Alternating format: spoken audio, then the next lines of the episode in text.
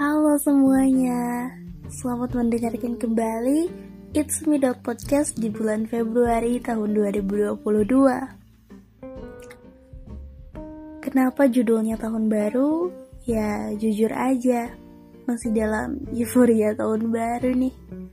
Masih belum lepas aja gitu. Apalagi tahun baru kali ini rasanya beda banget. Biasanya setiap tahun baruan dia yang selalu kusebut namanya sebagai bulan, pasti ngajak aku pergi ke suatu tempat. Kalau gak, dia nyamperin aku ke rumah. Entah sesibuk apa pun dia, dia selalu ngebela-belain datang buat nemuin aku, buat bikin aku seneng.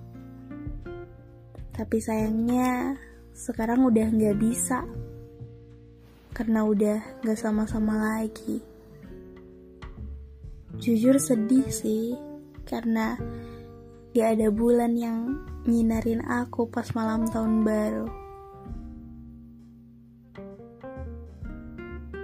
Sedih rasanya, kangen juga.